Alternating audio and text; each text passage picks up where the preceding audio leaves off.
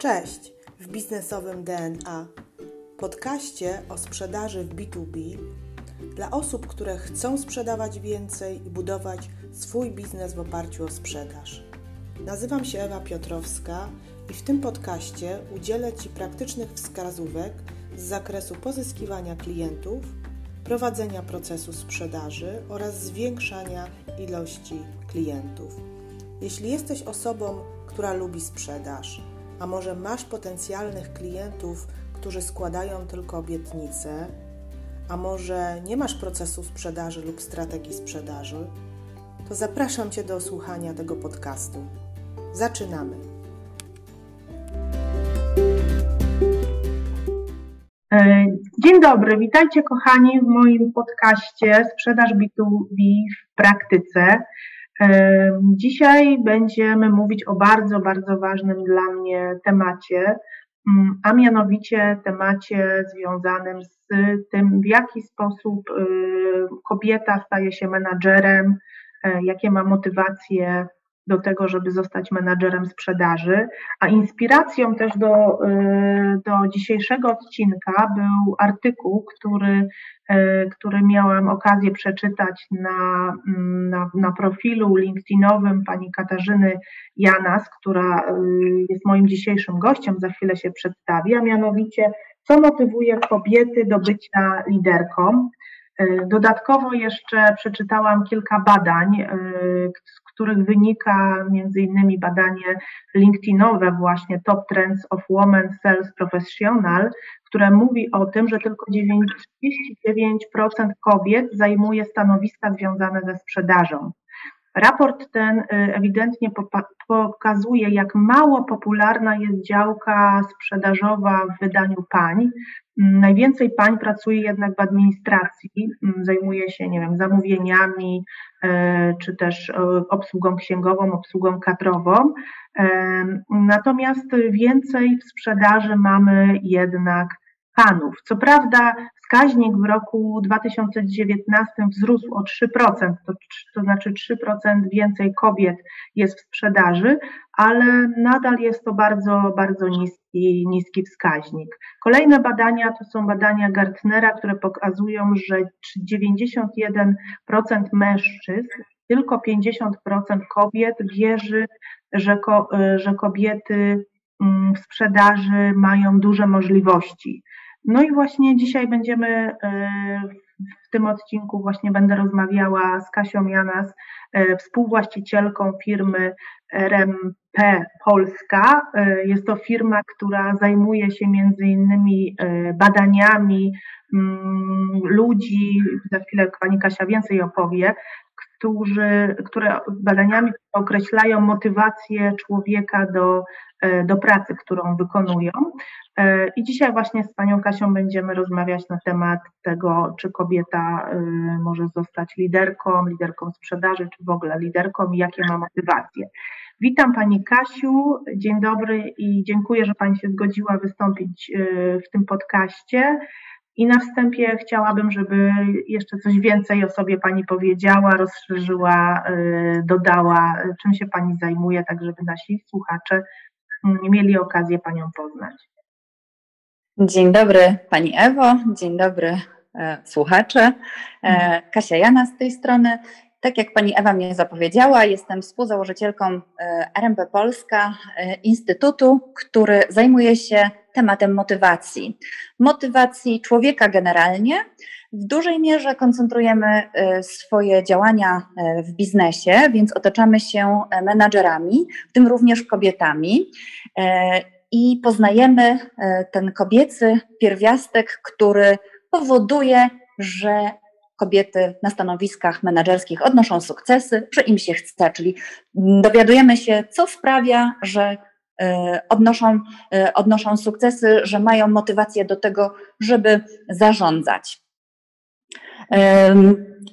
to e, dowiadujemy się tego dzięki narzędziu, które stanowi taki trzon naszej działalności, w oparciu o narzędzie, które się nazywa Risk Motivation Profile. To narzędzie właśnie służy nam do poznania naszej motywacji.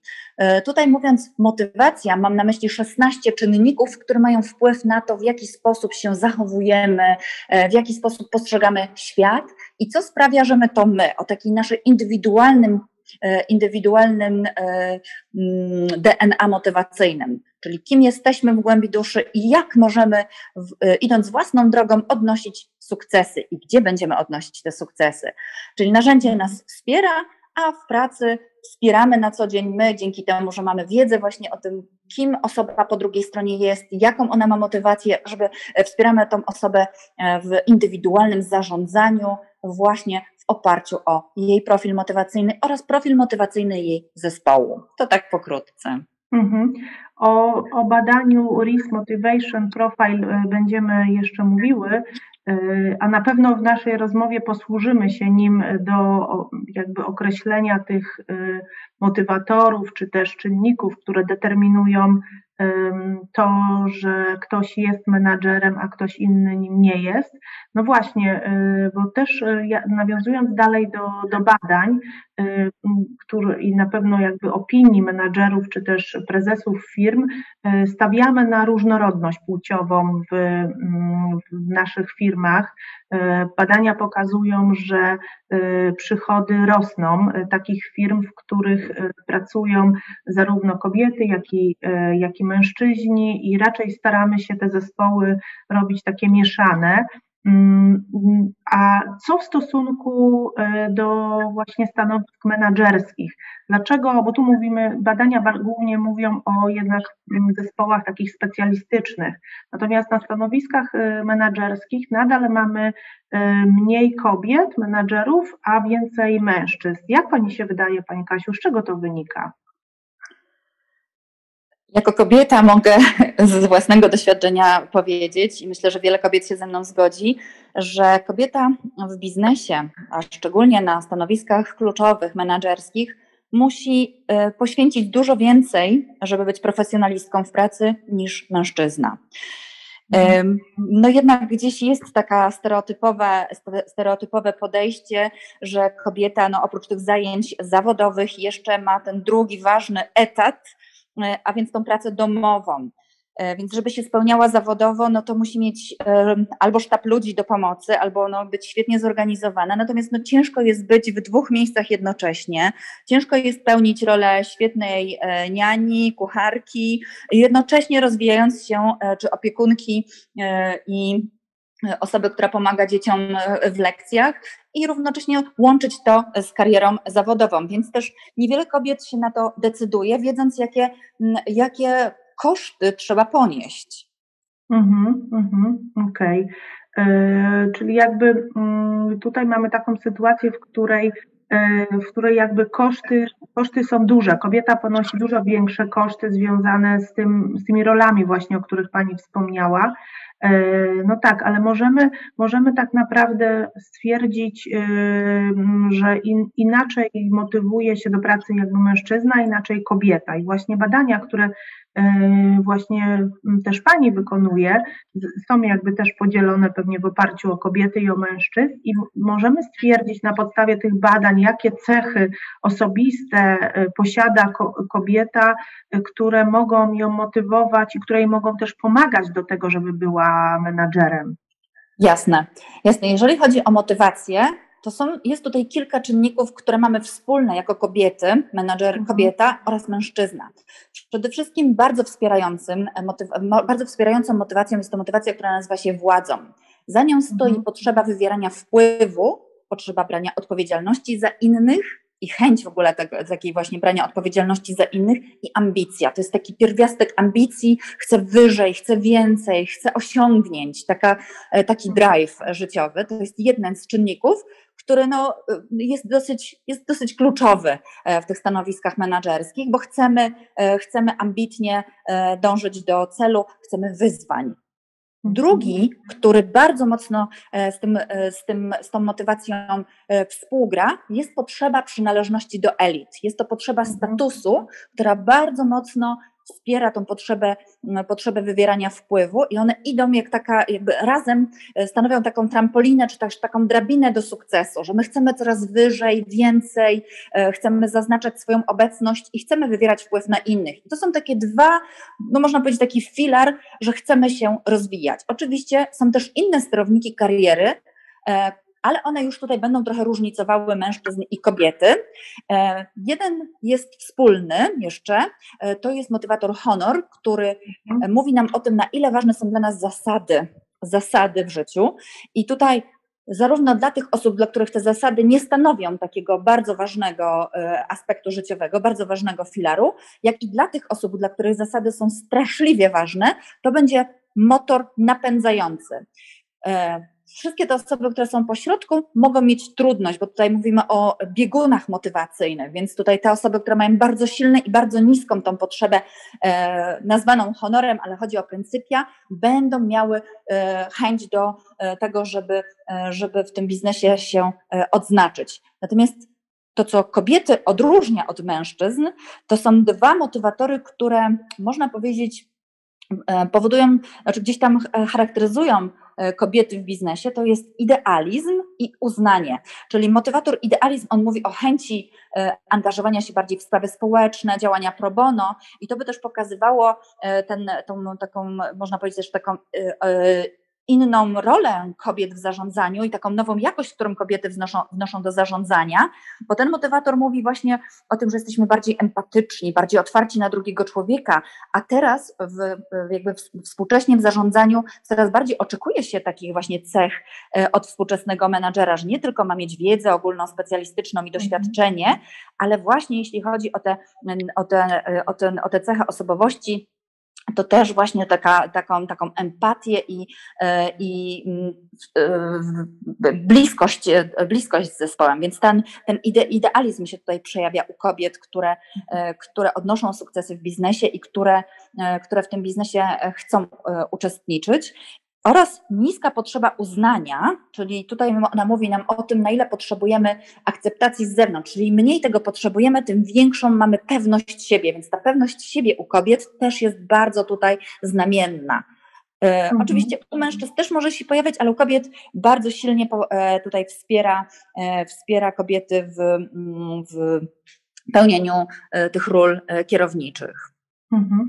Ja właśnie może, może nawiążę do tej pewności siebie, e, bo uważam, że jednak, e, że jednak my czasami, my, my jako kobiety, bo jesteśmy tutaj dwie panie i ogólnie e, nie doceniamy siebie i chyba potrzebujemy mieć większą akceptację, większe potwierdzenie u zewnętrznych osób w rodzinie, u znajomych, u przyjaciół, że robimy dobrze e, i, i to, co robimy jest, jest ok, dlatego że zauważam, zauważam akurat przy mm, jakichś ogłoszeniach, tak, czy też przy rekrutacjach, które prowadzę do swojego zespołu handlowego, że zgłaszają zgłaszają się osoby, które mm, jak zaprosimy je na rozmowę, a są to kobiety, to są też czasami zdziwione, że je wybrałyśmy, bo z jednej strony złożyły aplikację, ale z drugiej strony nie spodziewały się, że zostaną zaproszone, tak? Są właśnie ta, ta pewność siebie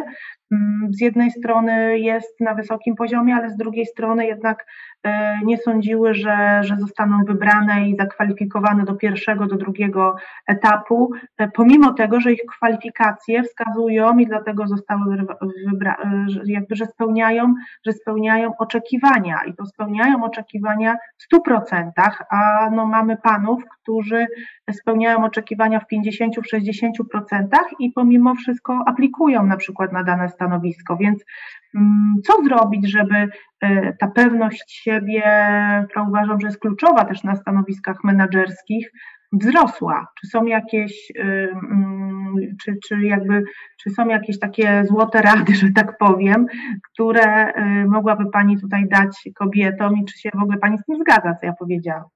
Absolutnie się zgadzam, natomiast no też możemy, też, yy, możemy takie, tą, tą niepewność zauważyć również u mężczyzn. To nie jest tak, że kobiety mają yy, większą yy,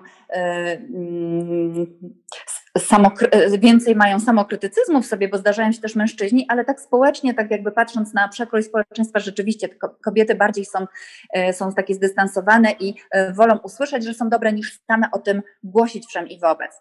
Ten motywator, uznanie, e, wbrew pozorom, to jeden z trudniejszych motywatorów do, do pracy nad nimi. Dlaczego? Dlatego, że potrzebujemy innych osób. Same mhm. sobie, da, jeżeli sami sobie damy uznanie, to ono nam nie będzie tak smakowało, jak uznanie od innych osób. Oczywiście są techniki coachingowe, jest praca nad asertywnością, e, jest, e, może, możemy się codziennie wspierać, natomiast jeżeli my nie usłyszymy od innych, jesteś dobra, świetnie wyglądasz, nie wiem, dasz radę, wierzę w ciebie, to będzie nam cały czas to skrzydło za nami, ono tak trochę będzie bliżej podłogi niż bliżej góry.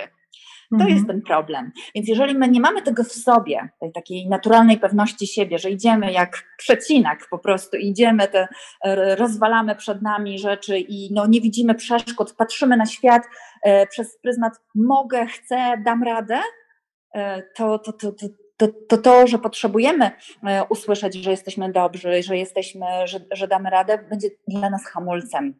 E, mhm. Więc paradoksalnie no, to jest dosyć trudne, żeby, żeby samemu nad tym pracować. Są techniki, ale trzeba naprawdę wiele, wiele, wiele wysiłków to włożyć. Mieć osobę, z którą się współpracuje, osobę, e, osobę czy właśnie coacha, czy mentora, kogoś, kto będzie nas wspierał w tym rozwoju i w tym patrzeniu na, e, na siebie pozyty, pozytywnymi e, oczami, w pozytywnym świetle. Tutaj pomaga bardzo jeden z motywatorów, on się nazywa e, spokój. To, ten motywator to można powiedzieć taki jeden z ostatnich na liście.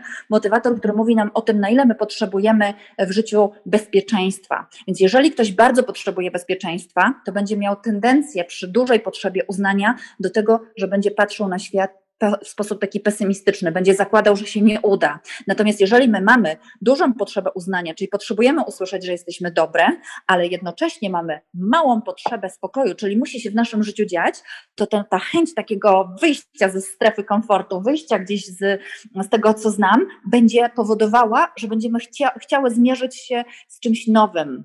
Więc mhm. siłą rzeczy będzie ta otwartość i to będzie już taka kombinacja w nas samych, która będzie powodowała, że ach, trudno co o tobie pomyślą, spróbuj tego, dawno czegoś nie robiłaś, odważ się na to, e, będzie ci dobrze. Więc to, to, to możemy, my możemy mieć w sobie wręcz takie motywacje, które wyzwolą w nas e, trochę pewności siebie.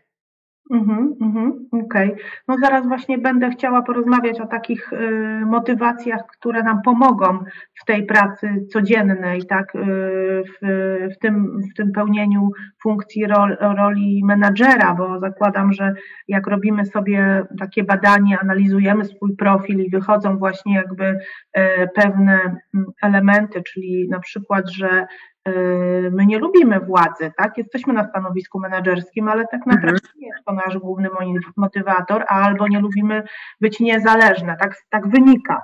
Czy, czy wtedy mhm. należy zmienić, yy, zmienić swoje, swój, swoją pracę, czy po prostu też yy, można pomimo właśnie tych, yy, tych motywatorów, które tutaj Pani powiedziała, że są najsilniejsze, władza, honor i status, tak, to w szczególności dla mężczyzn, czy pomimo wszystko Y, i tak można piastować stanowisko menedżerskie, mając na przykład, nie wiem, spokój jako motywator, bo wiem, że taki motywator też jest. Tak, dokładnie.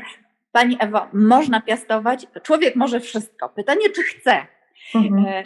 I jest, bo nieraz spotykam się z menadżerami, którzy mają kompletnie jakby profil nie menadżerski, ale oni się realizują. I pytanie, co oni w zamian w sobie znajdują, co im pozwala, bo każdy z nas może odkryć swój indywidualny, wewnętrzny napęd gdzieś indziej. I to, co ja mówię tutaj, to są statystyki, to są, e, no mamy dużo, dużo liczb i ze statystyki wyciągamy, że to są takie motywatory, które statystycznie działają.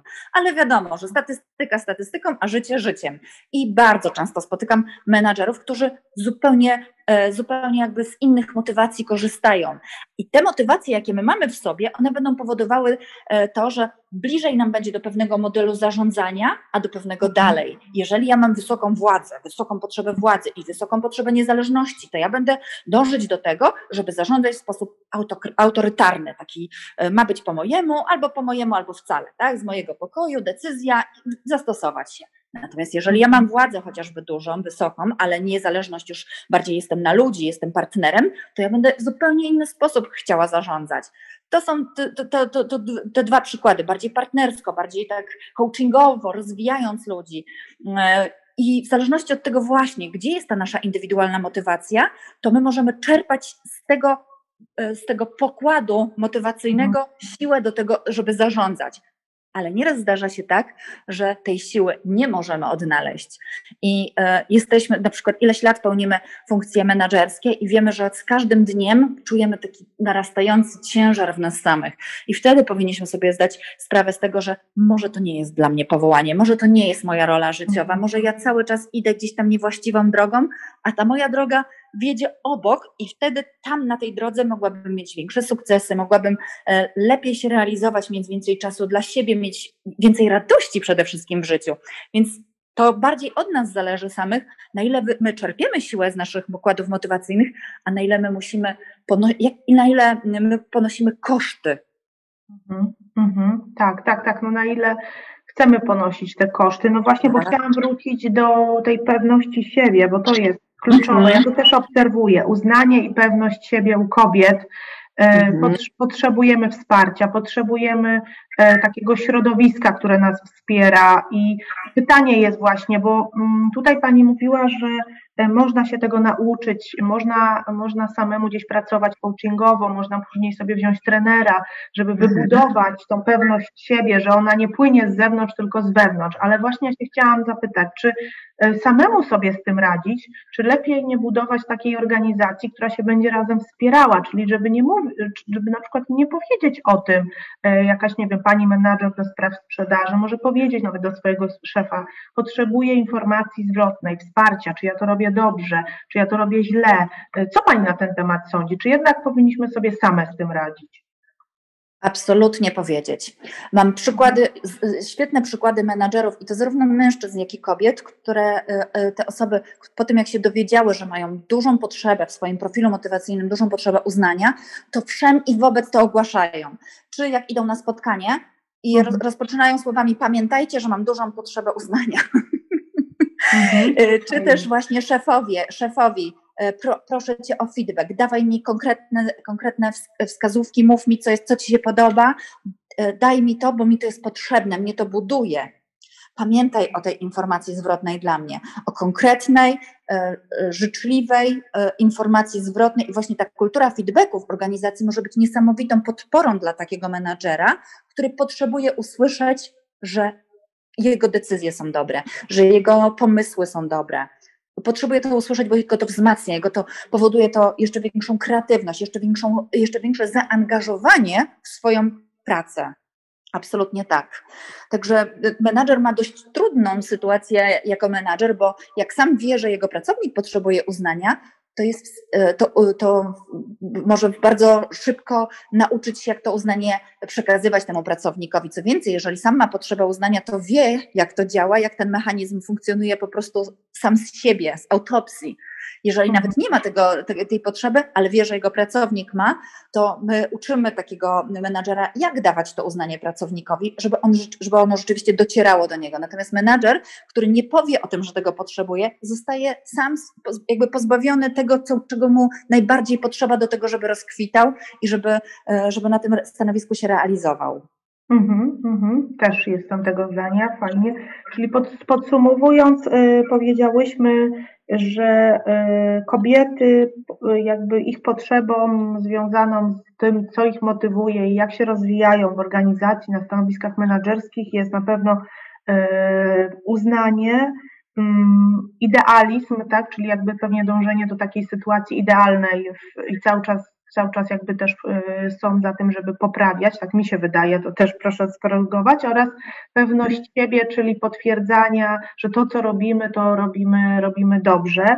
To rozumiem, że to y, determinuje y, mm, jakby rozwój kobiety. Czy coś jeszcze jest z tych z motywatorów, które mogłaby Pani wymienić, co jest charakterystyczne dla zarządzania kobiet, dla właśnie bycia menedżerem przez kobiety?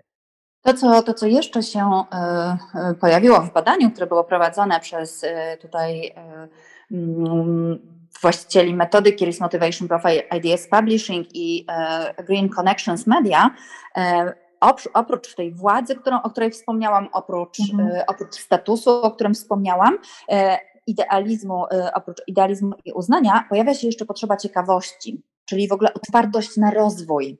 To bardzo wspiera menadżerów.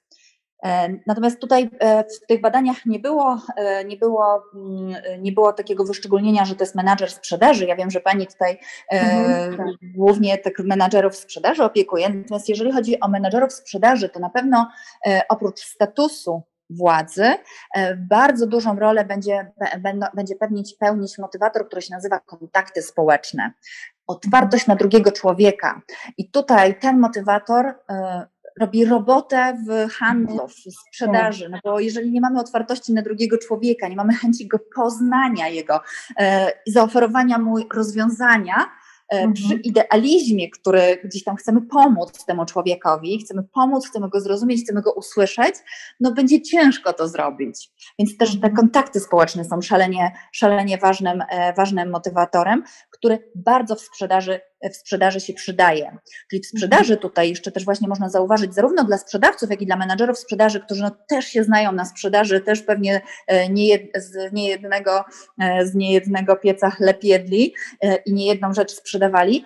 Ważne są właśnie władza, właśnie uznanie, ale obniżona wartość, czyli tutaj właśnie bardziej tak chęć, y, znaczy ta potrzeba, y, potrzeba, mm, mm, przepraszam, ta pewność siebie, y, kontakty społeczne, czyli otwartość na drugiego człowieka i status, czyli jak ja wiem, że, znaczy jak ja lubię być kimś szczególnym, lubię się w sposób szczególny czuć, to ja też moich, moich klientów w taki sposób od razu jakby z natury e, no, czuję, wiem jak, to, wiem, wiem, wiem, jak ich obsłużyć, żeby oni się czuli szczególnie. No, jako klient, no to jest to, to jest to coś. No, ja jestem ważny jako klient dla, e, dla osoby, która mnie e, tutaj czy wspiera, wspiera sprzedawcę jako menadżer, czy też właśnie dla samego sprzedawcy. To są takie ważne, ważne motywacje. Ale szczególną chciałam uwagę zwrócić na te kontakty społeczne, otwartość na drugiego człowieka. Bez tego w handlu, w ogóle w sprzedaży ani rusz.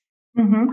A właśnie, jak zrobimy taki test y, w firmie, na przykład handlowcom albo dyrektorom sprzedaży, nie wiem, jakiejś grupie, czyli jakby dział HR przyjdzie, przyjdzie z takim zapotrzebowaniem i wyjdzie u handlowców, u nie wiem, dwóch handlowców kontakty społeczne na minusie, jak ja to mówię, tak, czyli jakby mhm. mała, y, jakby małe, mała skłonność do budowania relacji, to mhm. co się wtedy dzieje? Czy faktycznie taką osobę już przekreślamy, czy jeszcze patrzymy na inne motywatory, które mogą być e, silniejsze, a ten akurat, no nie wiem, siłą rzeczy może ktoś miał gorszy dzień, nie wiem, czy na to się też patrzymy, czy to, czy to, to tutaj to nie ma znaczenia? Zawsze patrzymy się na całość profilu motywacyjnego i zastanawiamy się, z jakich zasobów ta osoba może korzystać. E, I tutaj no, znów posługuję się pewnymi statystykami. E, jeżeli ktoś, jeżeli dany handlowiec nie ma tego, tej potrzeby, czy ma ten min na minusie, nazwijmy to, tak jak mm. pani powiedziała, te kontakty społeczne, to zastanawiamy się nad tym, żeby wzmocnić taką osobę kompetencyjnie przede wszystkim, no bo to jest potrzebne, ten dialog z drugim człowiekiem jest potrzebny, czyli nauczyć go tego dialogu, ale wiemy, że to się będzie odbywało na płaszczyźnie umiem, a nie na płaszczyźnie chcę i czuję. Mhm. Czyli będę mieć zawsze jakiś opór.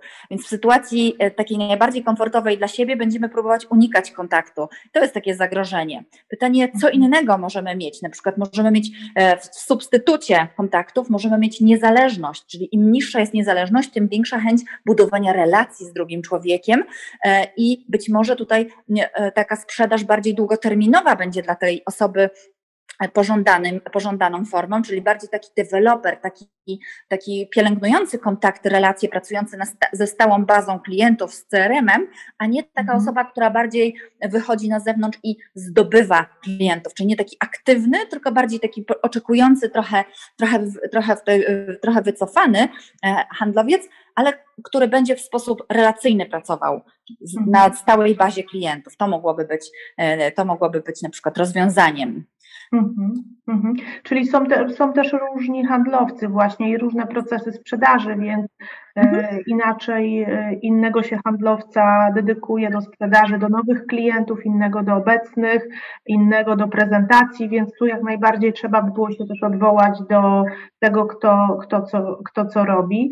E, ja jeszcze mam pytanie w nawiązaniu właśnie do tego profilu, na ile, bo profil też bada takie mm, kompetencje, bym powiedziała, według mnie pozazawodowe, tak? czyli związane z rodziną, z jedzeniem, z pięknem. Czy to wpływa, czy, czy to ma wpływ na pracę, czy, czy jaki to ma związek? Po prostu to jest jakoś powiązane, e, czyli te, e, te kompetencje, bym powiedziała, biznesowe z kompetencjami, kompetencjami już pozabiznesowymi to się jakoś łączy, że ktoś mm. na przykład ma nie wiem, duży, du, dużo ma na plusie związane z jedzeniem. Jak to się ma do, e, do tego, że jakim jest menadżerem? Profil motywacyjny e, tro, troszeczkę sprostuje, bo on nie mówi o kompetencjach. Tak? Kompetencje to coś mhm. bardziej e, na, na poziomie, okay. poziomie, poziomie innym. Tutaj mówimy o tym poziomie chcieństwa naszego, czyli do czego my mamy taki, no, taką naturalną chęć takie nasze wewnętrzne predyspozycje, a później dopiero jakby możemy wypracować pewne kompetencje. Więc tutaj mówiąc o tych, o tych motywacjach, o tych potrzebach naszych, tych takich wewnętrznych, e, wewnętrznych e, naszych obszarach, rzeczywiście jest taki obszar jak jedzenie chociażby, czy obszar piękna, czy obszar aktywności fizycznej, które łączą się w całym tym profilu motywacyjnym, bo tu my patrzymy na całość jako na profil motywacyjny i możemy wtedy jakby rozumieć, dzięki temu, że patrzymy na cały profil, możemy rozumieć, jak, w jaki sposób ten człowiek powinien funkcjonować, żeby osiągać swój dobrostan. Więc jeżeli menadżer ma dużą potrzebę aktywności fizycznej, i wychodzi to z jego profilu, a on cały dzień siedzi na krześle, to jego dobrostan jest zachwiany. E, taki menadżer żeby świadomie jakby zarządzać swoją energią, żeby świadomie zarządzać swoim dobrostanem, powinien zadbać o to, żeby mieć regularność aktywności fizycznej. Te motywacje, te motywatory, te nasze takie obszary ważne dla nas, one muszą być codziennie zadbane przez nas, więc nie możemy sobie tak jakby mm, zarzucić, a to dla mnie jest nieważne, tak samo jak jedzenie. Także te, te motywatory takie niby z życia prywatnego, one my, my, też żyjemy e, pracując, prawda? Więc no, e, musimy albo chcemy jeść. Więc są mhm. ludzie, którzy chcą jeść, bardzo chcą i myślą o tym jedzeniu, i jak są głodni, to wręcz nie mogą myśleć e, i nie mogą myśleć o pracy, dlatego że są, myślą o tym, ojejku, zjadłbym to, oj, kartofelki z tym. I, i, i, i ich myślenie, ich energia jest zupełnie gdzieś indziej, czyli żeby oni byli wydajni, skupieni i w tym miejscu, w którym chcieliby być sami, to muszą zadbać o to, żeby ich inne motywacje były zaspokojone.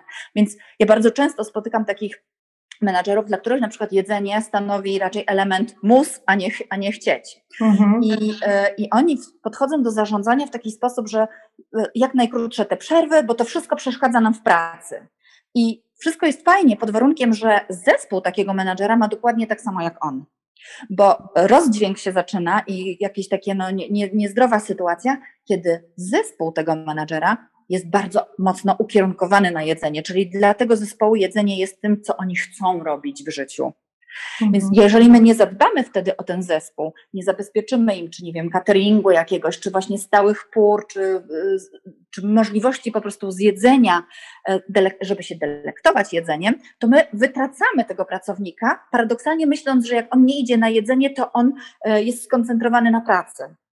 Mhm, mhm, okay. Także to się wszystko jakby razem łączy. To tak wydaje tak. się, że o jedzenie to takie nieważne w pracy. Absolutnie bardzo ważne. Tak samo jak ta aktywność, o której wspomniałam. Miałam kiedyś taki zespół sprzedażowy, gdzie menadżer się dziwił, że moi ludzie w ogóle nie siedzą przy biurkach. Gdzie oni są? Ja cały czas muszę ich szukać. I dzwonię tymi telefonami gdzieś, bo klient przyszedł. Akurat to było w miejscu, w salonie, do którego przychodzili klienci. No i, i, i, i tych sprzedawców nigdy nie było. Patrzymy na profil motywacyjny. Wszyscy mają, mają dużą potrzebę aktywności fizycznej. Ja mówię, widzisz? Mm-hmm, mm-hmm, tak, teraz tak. widzę i rozumiem. Więc trzeba było y, jakby zarządzić tym, tym ruchem. Oni powinni, po, powinni dziś w pracy mieć możliwość, e, możliwość, żeby się poruszać, oderwać od tego biurka, ale nie wszyscy naraz, tak? Także można było tutaj wprowadzić, wprowadzić e, system odchodzenia od biurek. Ale tak. zrozumienie się pojawiło, z czego to wynika. Z naturalnych naszych mechanizmów. Tak, tak. I one, one nam właśnie jak zwiększają produktywność pracy, tak jak, jak mhm. na przykład, nie wiem, rano napijemy kawy, taki rytuał może być, albo coś mhm. musimy zjeść, albo przestawimy jakieś biurko gdzieś, albo uporządkujemy coś, bo przecież mamy też motywator taki jak piękno i to wpływa właśnie na, na pracę, później na nasze efekty. E, więc, e, więc jakby też się zgodzę z tym, żeby brać właśnie pod uwagę i myślę, że ten profile, profile motivation jest bardzo fajny, bo on bierze pod uwagę całego, tak jak Pani mówi, człowieka, całość, e, a nie tylko, nie tylko właśnie jakby tylko tą część, część zawodową. Na koniec podsumowując, już chciałabym zadać takie pytanie mm, związane z, z korzyściami, jakie ma pracodawca czy firma, zatrudniając kobiety na stanowiskach menedżerskich, bo tak mówiliśmy o tych kobietach. Dla mnie mhm. takim ważnym, ważnym, ważną korzyścią, którą ja też zauważam gdzieś tam u siebie, to jest to, że kobiety są bardziej długoterminowe i, i, i ta, to zatrudnienie jest takie bardziej stabilne, chociaż nie zawsze, natomiast y, na pewno bardziej się przywiązują do firmy według mnie i pracują, y, pracują dłużej. Y, mężczyźni, mężczyźni po prostu jakby nie mają z tym problemu, żeby szukać najlepszego dla siebie zatrudnienia, patrząc pod kątem przede wszystkim pieniędzy. Nie wiem, co Pani sądzi, może tutaj jeszcze jakieś jakieś korzyści y, może Pani opowiedzieć, tutaj dopowiedzieć? Mm, ja tutaj widzę, znaczy, ciężko mi jest powiedzieć, że, że, że zawsze zachowują się tak kobiety albo tak mężczyźni, bo e, ja widzę mm, po tych y, osobach, które spotykam, że to jest tak bardzo różnie, że nie, nie przykładałabym etykiety, że tak się zachowuje mhm. mężczyzna, tak kobieta, no bo jednak też tak jak nie ma profilu, który pokazuje, że to jest profil kobiety motywacyjny, a to jest profil mężczyzny, że mężczyzna to nie będzie nigdy wrażliwy albo będzie taki, to, to już y, jakby te profile mi pokazały, że, że my możemy zarówno mieć taki profil jako mężczyzna, jak i jako kobieta. To, co na pewno może sprzyjać, to chociażby ten idealizm, o którym wcześniej powiedziałam, czyli to takie znaczy może sprzyjać, może, może być jakby na, na y, takim uzasadnieniem tego, dla tego, co Pani obserwuje, że mhm. kobiety mając tę potrzebę idealizmu podniesioną, czyli właśnie bardziej takie patrzenie na E, na człowieka, takie bardziej altruistyczna postawa, to może powodować, że też jakby na dłużej się z firmą zaprzyjaźniają, na dłużej e, i nie patrzą tak jakby też przez, zawsze przez wymiar pieniądza, tylko też takiego dobrostanu wszystkich, patrzą na ludzi, tak e, empatia może tutaj też mieć takie znaczenie.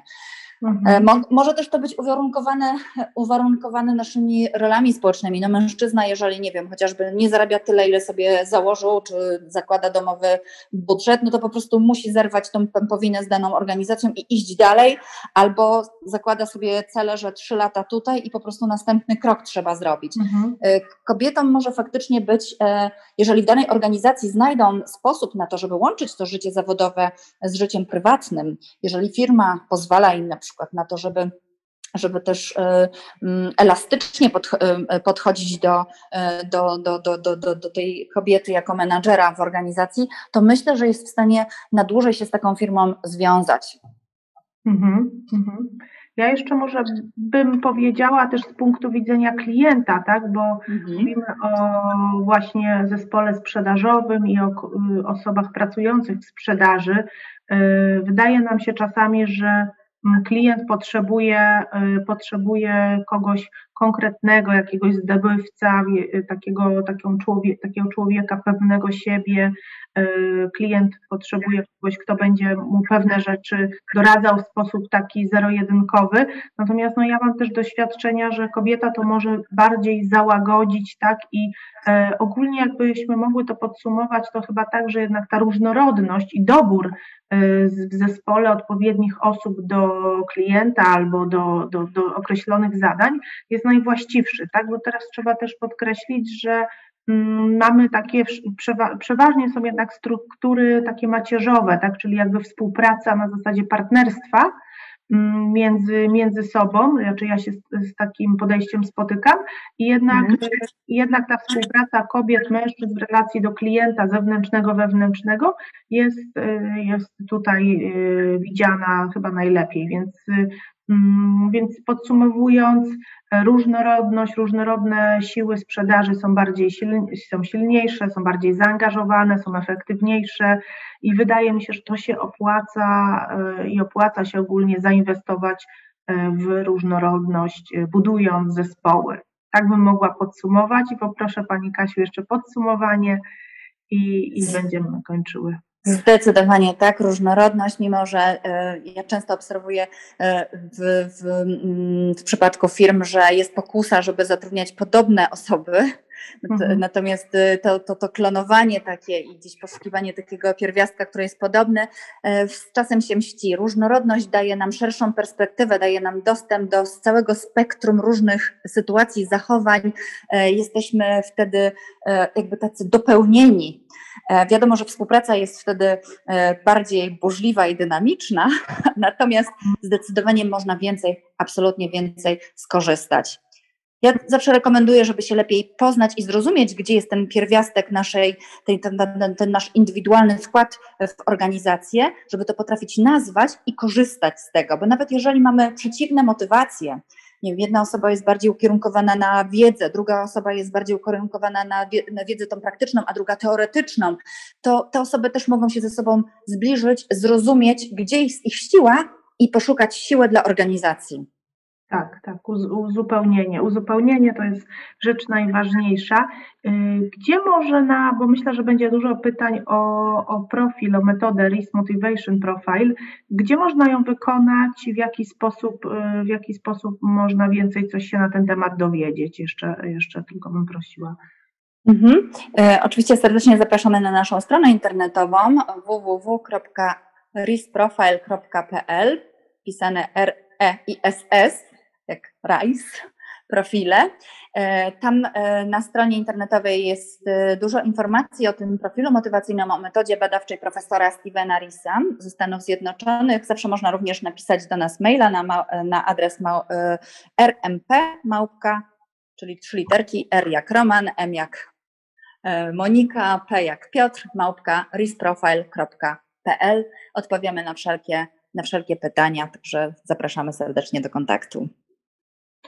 Dziękuję bardzo Pani Kasiu za dzisiejszą wizytę w moim podcaście Sprzedaż B2B w praktyce, e, za ciekawą rozmowę, naprawdę bardzo ciekawa rozmowa. Mam nadzieję, że naszym słuchaczom, uczestnikom dzisiejszej audycji, gdziekolwiek jesteście, się podobało. Jeśli tak, to zapraszamy do komentowania, do wysyłania informacji o tym e, podcaście, udostępniania. Niech idzie podcast w świat.